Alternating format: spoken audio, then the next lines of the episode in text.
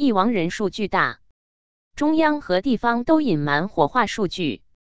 大纪元二零二三年六月十七日讯，大纪元记者张婷综合报道，中共从中央到地方公布的民政统计数据，罕见的缺少了遗体火化数据，引发热议。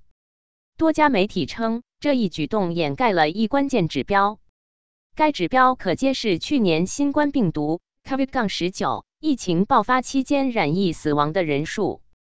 专家表示。避免公布火化数据，意味着超额死亡人数可能相当大。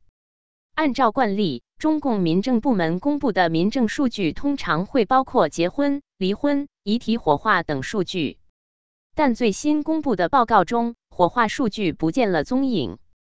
美国 CNN、英国《卫报》和香港《南华早报》等媒体纷纷将这一数据称作是衡量 COVID 死亡的关键指标。Key indicator，并质疑中共这一举动。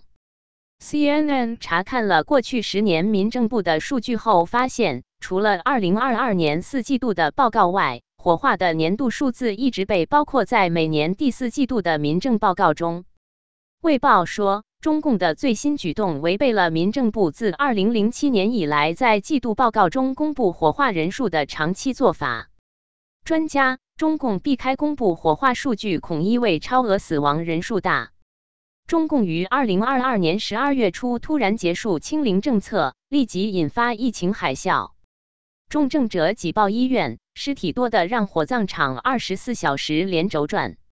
世界卫生组织当时多次警告说，中共提供的 COVID- 十九数据没有准确反映中国的疫情情况，没有充分反映真实的住院人数。特别是死亡人数。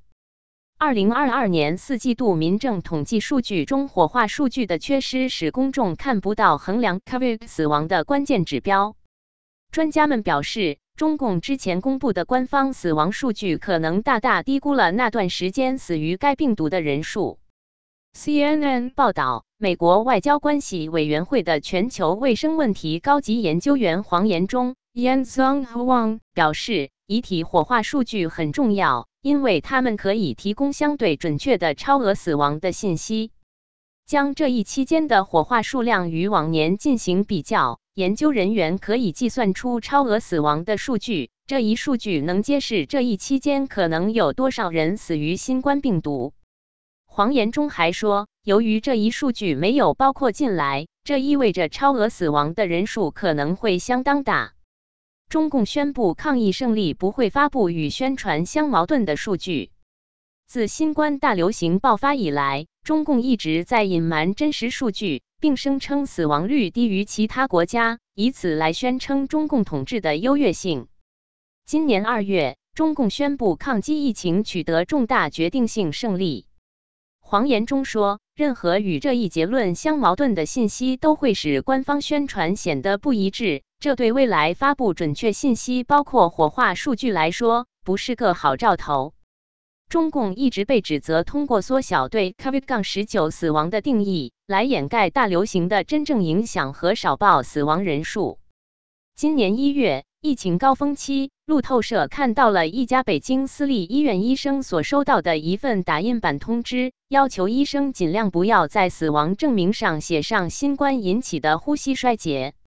有匿名医生告诉路透社，一些人说他们被告知此类指令来自政府，但没有人知道来自哪个部门。这是中共下达政治敏感指示时的常见情况。不只是路透社，其他媒体也从中国医生那里获得了反映疫情严重性的信息。中国南方一城市的一家公立医院的一名医生告诉南华早报，死亡证专用纸都被用光了，不得不临时用副本。图为二零二三年一月三日上海同仁医院急诊室的情况。中国疫情海啸压垮医院系统，各大医院人满为患。Hector Readmal AFP，民政部统计季报网页悄悄删除二零二二年四季度民政统计数据报告。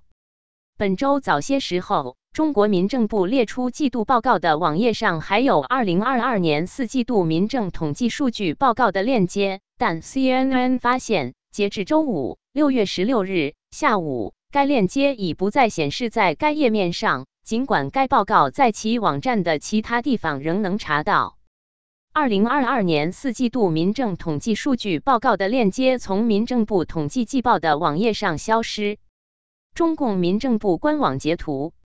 中共为何要从统计季报的网页上删除这一链接？背后动机是什么？引发猜测。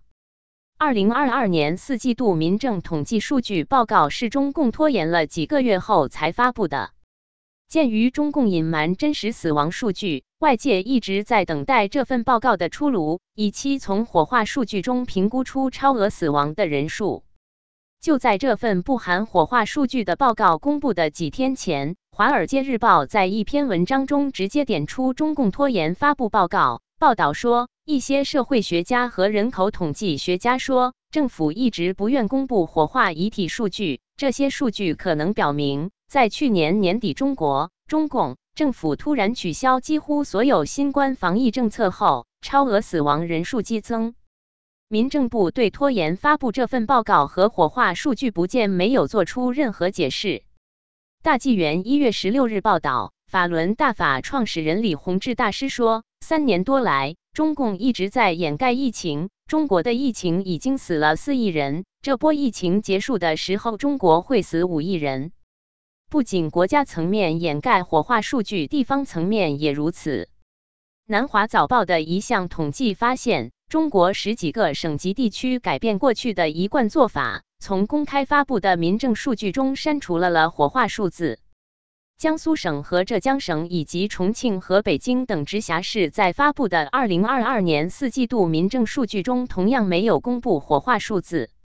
重庆市民政局公布了二零二二年四季度民政数据，但火化数据部分留下空白，见截图中标注颜色部分。重庆市民政局官网截图，截至六月十五日，湖北、广东和江西等其他省份尚未公布二零二二年四季度民政数据。六月九日，也就是中共民政部发布二零二二年四季度民政统计数据的同一天，重庆市民政局发布通知说，接到民政部的指示，二零二三年度重庆市民政统计数据暂不公布。责任编辑：林岩。